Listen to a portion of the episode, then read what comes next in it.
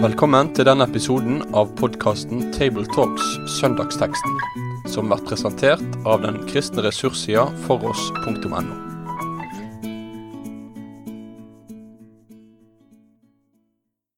Da ønsker vi hjertelig velkommen tilbake med en ny episode av Table Talks fra gruppen i Bergen. Rundt bordet sitter som før eh, Jon Magne Sønstadbø, som er prest i Delk her i byen. Norges eldste frikirkelige trossamfunn, må vi understreke. Og Rolf Kjøde, som er tidligere generalsekretær i Nordmisjon, og nå leder for eierkontakt ved NLA-høgskolen.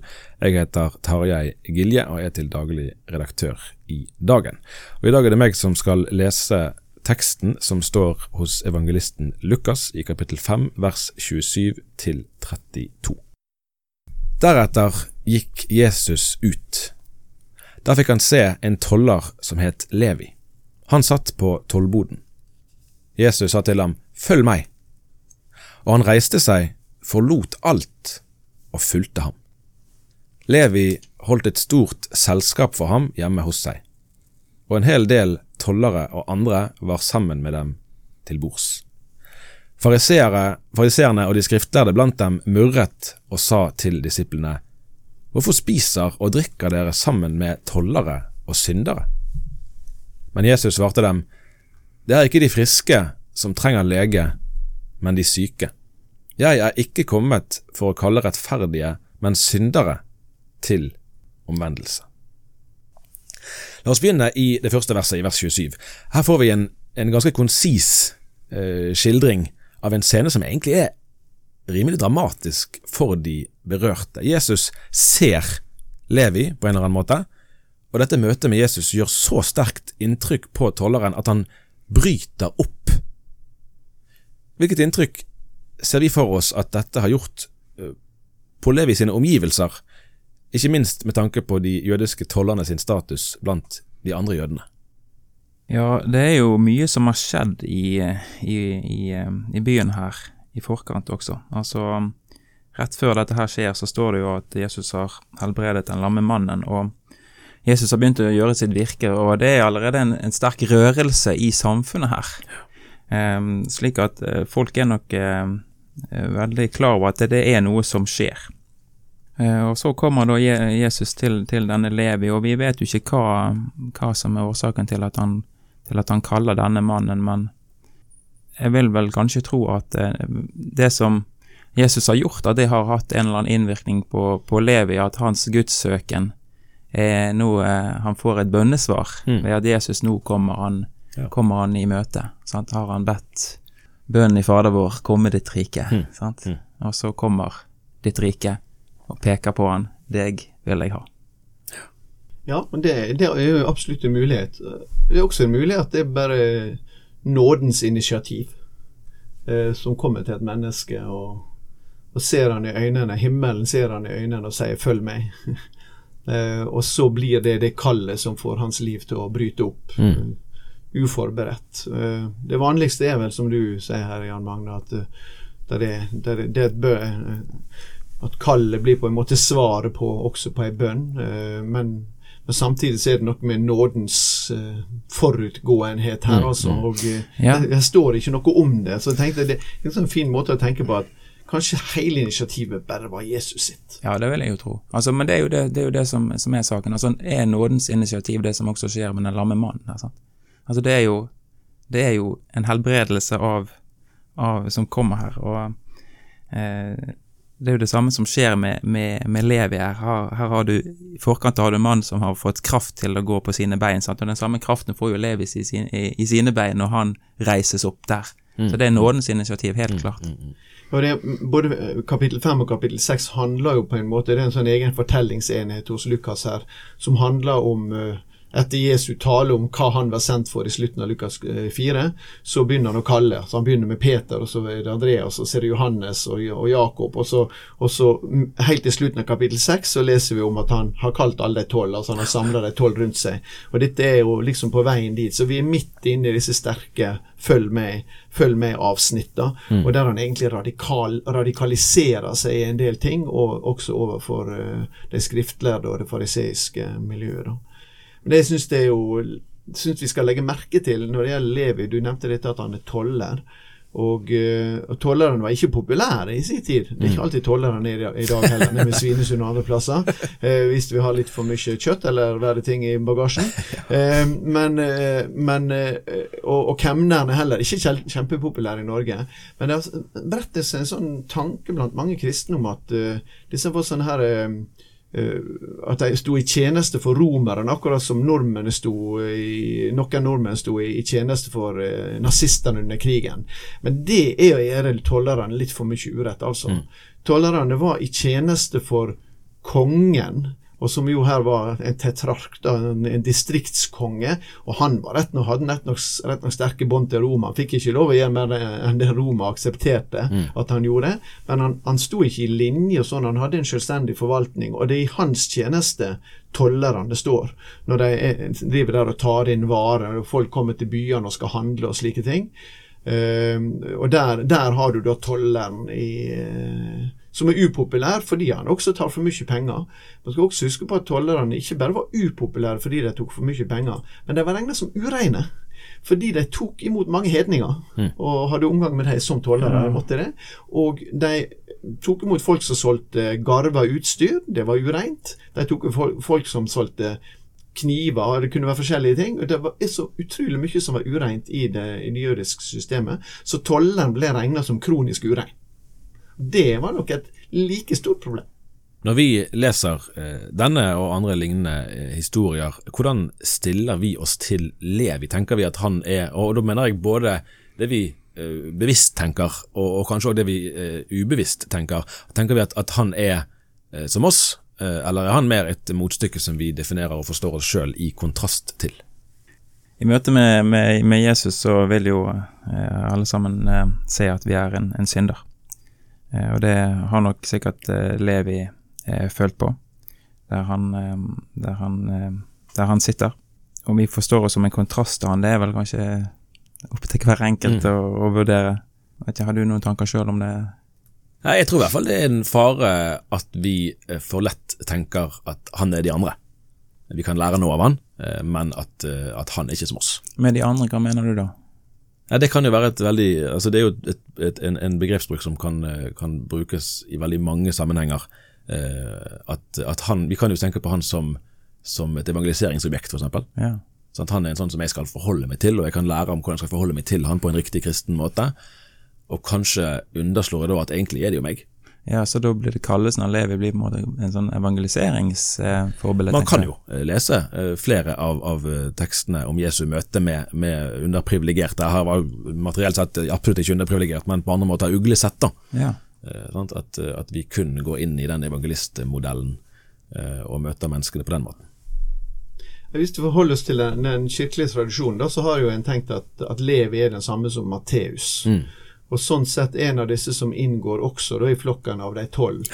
Og denne flokken av de tolv består jo av en god del vanlige mennesker, men med litt ulike politiske valører. Han som da står i tjeneste for myndighetene for, for kongen, og så har du seloten som står der uh, som er i motsetningsforhold til mm, mm. myndighetene, og så har du fiskerne som er i denne gruppa her. Så der er, jo, der er jo en rekke ulike mennesker, og sånn sett er Matteus én av oss, tenker jeg. Ja, ja, ja. Uh, og noe annet ville jeg ikke ønske å tenke, mm. for uh, Eh, og så faller han da i denne gruppa som Jesus er kommet for å ta seg av. Og det syns jeg det gir en ekstra gro grunn til å identifisere seg med han, for mm. det er noen andre av oss som har hatt behov for å bli tatt seg av av Jesus. Så kommer vi i teksten til dette selskapet. Eh, Olav eh, Skjevesland, eh, som har skrevet flotte bøker om med, med tekstgjennomgåelser, han skriver at, at Levi innbød til det vi i dag kanskje ville kalt for alfakurs hjemme hos seg sjøl, med Jesus da som kveldens, kveldens taler. Klarer vi å, å forestille oss hvilke tanker som rørte seg i, i fariseernes hoder der de satt og hørte på. Ja, nå tror jeg vi kommer tilbake til litt til urenhetsspørsmålet igjen. Mm. For dette syndere, det er altså På hebraisk så er det et, et begrep som heter am haares. Uh, og som er på en måte Det er de som det, Am er jo folk, da. Det er det folket som er haram. Det er det folket som er urein. Mm, mm. Uh, og eh, det kan være syndere, slik som vi, vi tenker det med. altså Det kunne være, det kunne være prostituerte, gatepiker og sånne ting. Men eh, det kan også være eh, garvere og knivslipere og gjetere. Altså ulike yrker som av ulike grunner ble holdt for å være ureine, og derfor ble holdt utenfor synagogefellesskapet. Uh, og at det er det uh, Ikke bare folk som er moralsk lastelige, men også de ureine, ifølge, renhetsforeskriftene. Og her er jo Jesus egentlig, leser vi evangeliet, så er han veldig oppgjøret med den måten å Mm, tenke på. mm. Men det er disse han har kommet for. De Ja, som er ja. Han har kommet for å skape det fellesskapet av de som da blir innafor. Ja, Jesus sier jo det at han, han, er, han er kallet eh, ikke for å kalle Eller han er ikke kommet for å kalle rettferdige, men, men syndere til omvendelse. Så, så det er jo rett at han spiser sammen med syndere i den grad Mm. at alle sammen er, er syndere. Eh, og det er jo det er jo evangeliet også i denne teksten her, at Jesus han søker måltidsfellesskap sammen med, med syndere, og, og vil ha dette fellesskapet med dem. Og det er jo, kan jo vel også trekkes en parallell til, til nattverdsmåltidet, sant? altså nattverdsbordet der han inviterer synderen Mm, frem mm. til å komme og spise med meg og motta syndens forlatelse. Jeg kan ikke tvile om at dette foregriper den kristne kirke og nattverden. Det er helt åpenbart, synes jeg, at det, at det må det. Og, og når det står jeg er ikke kommet for å kalle rettferdig, men syndere til omvending, ja. Han, eh, og, og det er jo det dette fellesskapet består av. Det er jo de rettferdiggjorte syndere. Mm, mm. Og eh, der, er, der står vi alle likt. Jeg syns det er interessant å, å tenke litt på altså, eh, David Åleskjær laget jo en film som heter Asfaltevangeliet. Det tror jeg var en av de siste filmene jeg så eh, oppe her i Forum kino, før det ikke lenger var, var kino. Og Der eh, gjør han det grepet som man kan diskutere, selvfølgelig, men der på en måte kirken eh, i vår tid da, eh, får eh, fariseernes plass.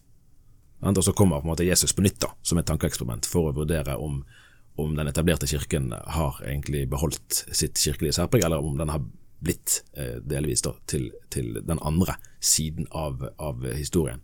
Eh, og det her, Jeg synes det er interessant å tenke over eh, det. altså Den, den sant, oppgjør, eller opprører som, som de må ha sett på Jesus som, om, det, om den siden da, ved hans virke har gjenklang hos oss, egentlig. Eller om vi har blitt såpass etablerte at vi er blitt, blitt en del av et religiøst etablissement. Da. Ja, jeg tror nok faren alltid er der, altså fordi at vi eh, Jesus snakker jo ofte om dette her, sant? at vi, det ligger vårt hjerte nærmest å gi den fine plassen til den, den i, som vi økter høyt. Sant? Mm. Så det er jo en, det er en advarsel vi hele tiden skal ta med oss, dette med at vi ikke eh, forakter noen fordi at de ser ut til å være annerledes og, og har et annet liv eh, enn det som vi gjerne vil kalle for et, et godt moralsk liv. Mm. Eh, samtidig så må vi jo være veldig tydelige på hva Jesus også kaller, eh, kaller for synd. Sant? Altså Han er kall, kall, kommet for å kalle rettferdig, eller syndere til rettferdighet, altså kallet for å gi dem dette livet. Og det gis ikke da gjennom den, den moralske vei som, som gjerne fariseeren har trodd, men den gis gjennom eh, troen på Jesus Kristus. Eh, jeg synes jo, når jeg, når jeg leste denne teksten her, så er liksom Jesus sine ord 'følg meg' eh, så tenker jeg ofte, når man hører de ordene, hører du da et bud, eller hører du et evangelium? Mm. Sant? Altså, for, for, for Levi har hørt disse ordene 'følg meg' før. For det har han hørt av loven, og det har han hørt av alle fariseere. Så det er mange som sier det. Men nå kommer det en, en, en annen, som du, du uttrykker litt, og sier 'følg meg'. Og da er det et evangelium Ja. som gis til denne personen, og det er da, er det nåden som, som kommer, sånn som Rolf sa, og så reiser han opp. Ja, dette, dette trenger jeg. Og så går han. Så det er jo aktualiteten også i dag, at det er den som hører teksten her, altså den Gud som kaller på deg, er det en Gud som kaller deg til en byrdefull oppgave og et krevende liv? At nå skal du gi alt for Jesus? eller er det en Gud som kaller deg til, til måltidsfellesskapet, til fredens Ja, fellesskap med seg? Og samtidig, nettopp i forlengelsen av det, eh, kalle til en etterfølgelse som heter 'lære deg å holde alt det som jeg har båret dykk'. Og eh, det er ikke tvil om at Levi her, liksom denne kvinna som alle de ville steine, men som Jesus eh, frikjente og sa 'heller ikke jeg fordømmer deg, gå bort og synd ikke mer fra nå av'. Altså, det ligger der hele tida eh, i det budskapet som Jesus har, at kallet det er sånn som vi også hadde et program tidligere i sommer når vi så profeten Jeremia. Det er et kall til omvending, og det står også her. Det er et kall til omvending. Den som er en synder, skal vende om fra sin vei eh, og, og følge Han som er helligheten, og som går hellighetens vei. Eh, så, så det er utrolig viktig utfordring til den kristne menighet.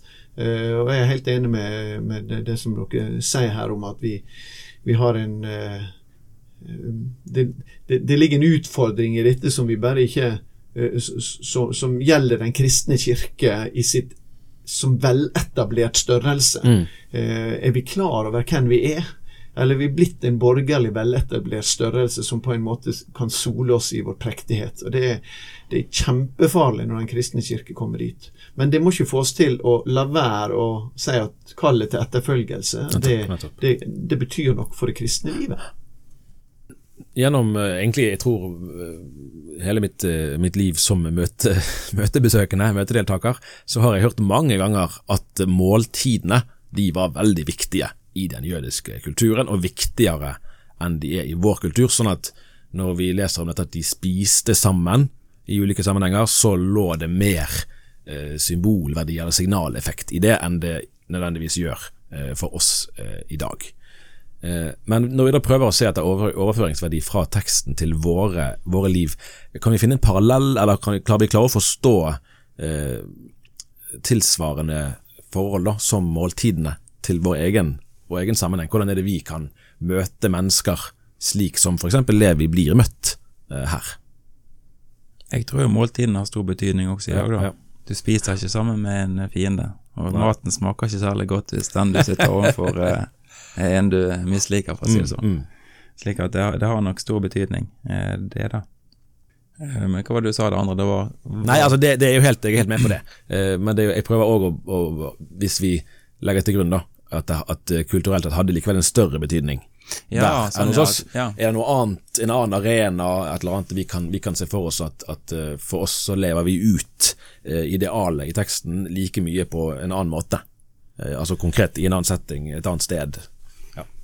Nei, men altså, For det første så er jeg helt enig i at måltidet det må vi Det er ingen grunn til å undervurdere det. Nei, det er kjempeviktig i vår kultur. Og jeg må bare si som har reist rundt i store deler av verden og møtt andre kulturer som mm. måltidet betyr ekstremt mye i mange kulturer. Så akkurat den identifikasjonen med den bibelske kulturen, den ligger der nesten overalt mm. rundt omkring i verden.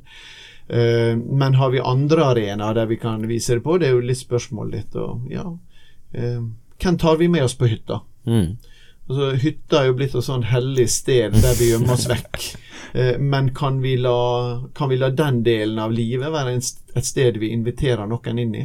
Eh, eller på en søndagstur med, med båten, mm. eh, eller de andre tingene som er, er slik i livet vårt, der vi på en måte har skapt oss våre arenaer som er sånn ekstra viktige og hellige for oss. Og der, der, der får vi invitere inn folk og si at dette, her hører du til også. Og når du sier det til et menneske, da har du gitt deg en veldig gave, tenker jeg. Jeg siterer uh, Olav Skjevesland òg eh, i dag. Uh, han skriver om denne teksten at Jesus oppsøker de ekskluderte. Derfor er evangeliet så inkluderende. Det ordet inkluderende blir jo i våre dager gjerne oftest brukt av de som ønsker å innføre en ny lære i, i kirken. Eh, og at det å være inkluderende blir forstått i motsetning til å ha eh, et klassisk eller konservativt syn i ulike teologiske spørsmål. Eh, hvordan skal vi forstå Jesu tilnærming i møte med Levi eller andre når vi står overfor vår egen samtid? Hvordan kan vi være sånn som Jesus? Jeg tenker jo lov og evangelium her. Jeg tror Jesus er veldig tydelig på forkynnelsen av, av loven, og han er tydelig på forkynnelsen av evangeliet. Og jeg tror jeg nevnte dette her i en tidligere episode som vi hadde, at loven den forkynnes nådeløst. For det, for det Gud har sagt, det har Gud sagt, Mm. og det kan man ikke endre på. Sånn Man kan ikke si at det som var synd i går, ikke er synd i dag. Det vil alltid være synd for Gud.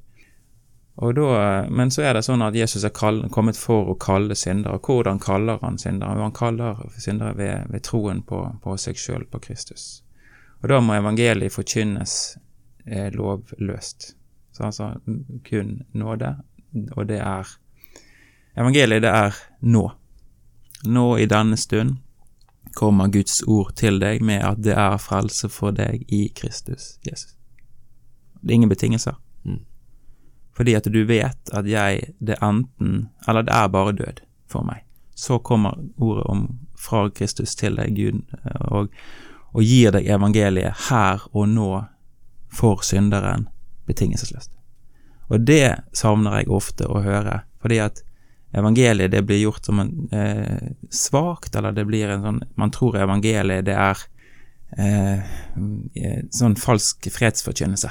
At alt Nei, alt er ok, vi glatter bare over, og eh, Gud er glad i deg, og istedenfor å si hva, hva evangeliet er.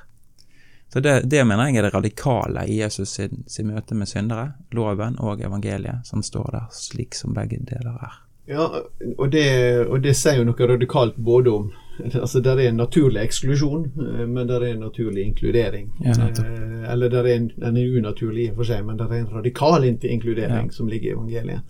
Men hvis vi skal bygge videre på det, så vil jeg å, svare på spørsmål det tar Tarjei, så tenker jeg at uh, eh, vi er jo som et fellesskap, Den kristne kirke er som fellesskap kalt til å være til å bestå av alle slags mennesker, og kanskje i, hvis vi skal bruke dette integreringsbegrepet slik som det brukes mye i samfunnet vårt ellers, da med hele integreringsdebatten, så tenker jeg at vi som kristne kirke vi har et potensial, men fortsatt et uutnytta potensial på mange måter, til å være et sånt radikalt fellesskap som inkluderer eh, bredt i samfunnet vårt, også med hele innvandrergruppene som er blant oss. Eh, og, og sørge for å skape arenaer, men også mellom generasjonene. At vi kan møte hverandre. At, at menigheten er faktisk en plass der vi kan møte hverandre. På tvers av de grensene som vi setter så lett i kulturen. Fordi vi, vi trenger hverandre. Og I forlengelsen av det så har jeg også lyst til å, å, å si noe om min tanke framover for Den kristne kirke. At vi vil ikke lykkes med evangeliseringsoppdraget vårt eh, og misjonsoppdraget i Norge hvis ikke vi tar inn over oss en mye tydeligere og sterkere, mer synlig og aktiv og naturlig eh, diakoni. Vi må ha et kroppsspråk mm, i Den kristne kirke. Det er det er helt nødvendig. Det er det kroppsspråket Jesus bruker her, eh, når han går i dette selskapet og en måte med å, å vise 'slik er det min kirke skal bli', slik er det den skal være. Eh, og Der har vi både en lang vei å gå, men vi har også et kjempestort potensial. For det blir gjort en god del jobb. Jeg tror egentlig den kristne menighet i en del lokale tilfeller iallfall er ulik samfunnet er på, Ja, ja. på godt. Ja, ja, ja.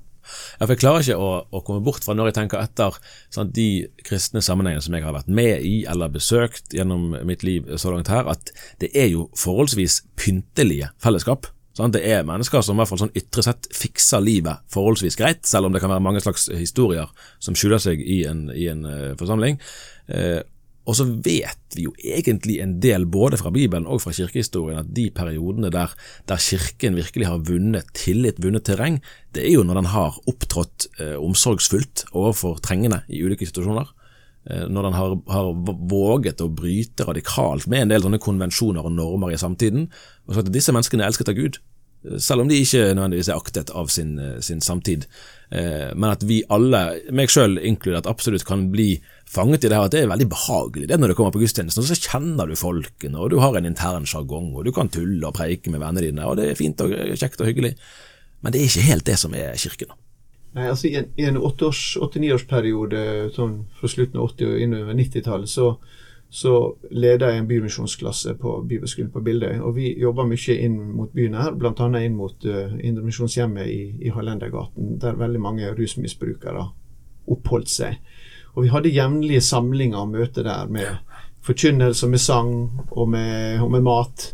Uh, og Jeg tenkte ikke på det da, men jeg tenkte på det seinere. At eh, ja, vi kunne gå i Betlehem noen ganger. Og Da var vi på en måte samla med menigheten. Ja. Men hva var vi samla med der borte på en tirsdag, da? Der vi også forkynte Guds ord. Og der de sang sangene, og de satt og snakka med oss og sa at 'Jeg klarer ikke livet mitt, men dette tror jeg på'. Mm. Hva var det som var samla der, da? Mm. Var ikke det også Guds menighet? Jesu menighet? Og, og sånn må vi på en måte lære oss litt å tenke og handle ut fra det. Magne, du har jo med deg eh, Concordie-boken Ja, i dag. Den har ikke du fått brukt ennå. Nå skal du få Nei, jeg har sittet og verket på den hele dagen. Nå skal du få en pasning, så får du se om du tar den. Vi leser òg Jesu ord. eh, Jeg er ikke kommet for å kalle rettferdige, men syndere til omvendelse, i dagens tekst. Dette er jo dypt frigjørende ord. Eh, Og så lurer jeg på og nå kan vi selvfølgelig ta det som det store samfunnsperspektiv, men, men la oss begynne hos oss sjøl. Både oss rundt bordet, men, men ikke minst i våre respektive fellesskap. Hvordan står det til med synserkjennelsen hos oss? Ja, altså i gudstjenesten våre så har vi jo, eh, vi har jo eh, alltid synsbe, synsbekjennelsen som er, er i begynnelsen av gudstjenesten, sant? så der blir vi alltid veldig bevisste da, og så hvis vi ikke bare ramser den opp som en sånn del av en, av en messe, så, så er jo den til stede der. Men jeg tror jo at synserkjennelsen, det, det handler jo om forkynnelse. Jeg merker jo det nå som vi sitter og har den samtalen her, hvordan det som du sa i sted med, med fellesskapet, så hvordan teksten vi har foran oss, den er lov og evangelium. For jeg merker det på meg sjøl, Mm. hvordan han utfordrer meg med loven. Sånn skal du være mot din neste. Mm. Du skal ta han inn, og du skal besøke han, og du skal gi han Guds ord. Sant? Det er loven som utfordrer meg, og, og, og pirker på tingene at her må jeg eh, være bevisst, og her er det noe Gud vil i mitt, i mitt liv, samtidig som jeg hører evangeliet også i teksten, sant? der jeg også får, får, eh, får syndenes forlatelse i det at faktisk Jesus kommer til meg og kaller meg. Og dermed så blir ikke synden min, den blir på en måte ikke et, et problem som jeg skal fikse før jeg kommer til Gud. Men Gud fikser det for meg, og så vil han gi meg også den kraften til å, til å, eh, til å leve som en, som en, som en kristen i, i, i verden, da.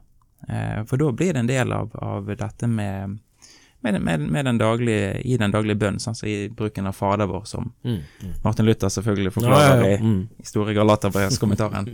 Altså, sant? hvordan vi da altså, skje, skje din vilje, for eksempel. Sant? Da, vi jo, da ber vi jo om at, at Guds vilje skal skje i, i våre liv.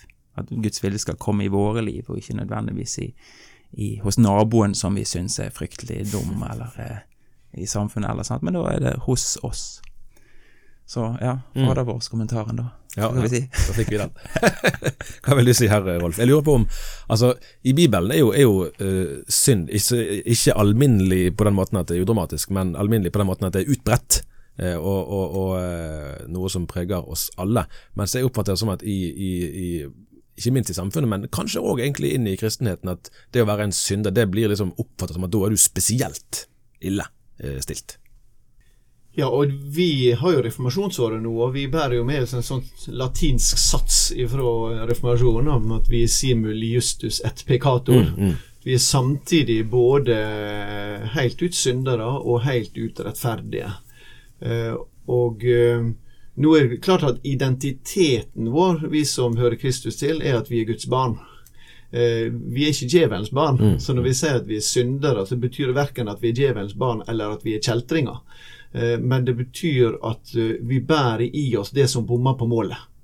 Så jeg tror jo at all synd går tilbake til det første bud, nemlig vår utprega evne til å ville sette oss sjøl på Guds plass. Eh, og gjøre våre egne valg og sette vår egen autoritet over Guds autoritet, han som skapte oss i sitt bilde. Der har du den grunnleggende synda, og den trenger vi å minnes på. Fordi at eh, den er ikke bare noe sånn som du finner ute på byen blant mennesker som du har mot livsstilen til. Eh, Men det finner du djupt i fariseerens hjerte. Mm, mm. Eh, Men jeg tror at vi i menighetene våre trenger vi både å forkynne fram denne eh, denne statusen, eller denne tilstanden som mennesket er i, slik at nåden blir stor, altså når Gud frelser oss. Og samtidig trenger vi å forkynne også konkret, naturligvis, inn i menneskets liv og til, til rettledning, så vi, vi, så vi forstår at vi er kalt til å leve et hellig kall i Jesu etterfølgelse. Hellig liv i Jesu etterfølgelse. Nettopp. Med de velvalgte ordene tror jeg vi sier at dagens episode har kommet til sin slutt. Takk for at du hørte på. Vi høres igjen om noen uker. Med det sier vi takk for følget for denne gang. Finn flere ressurser, og vær gjerne med å støtte oss på foross.no.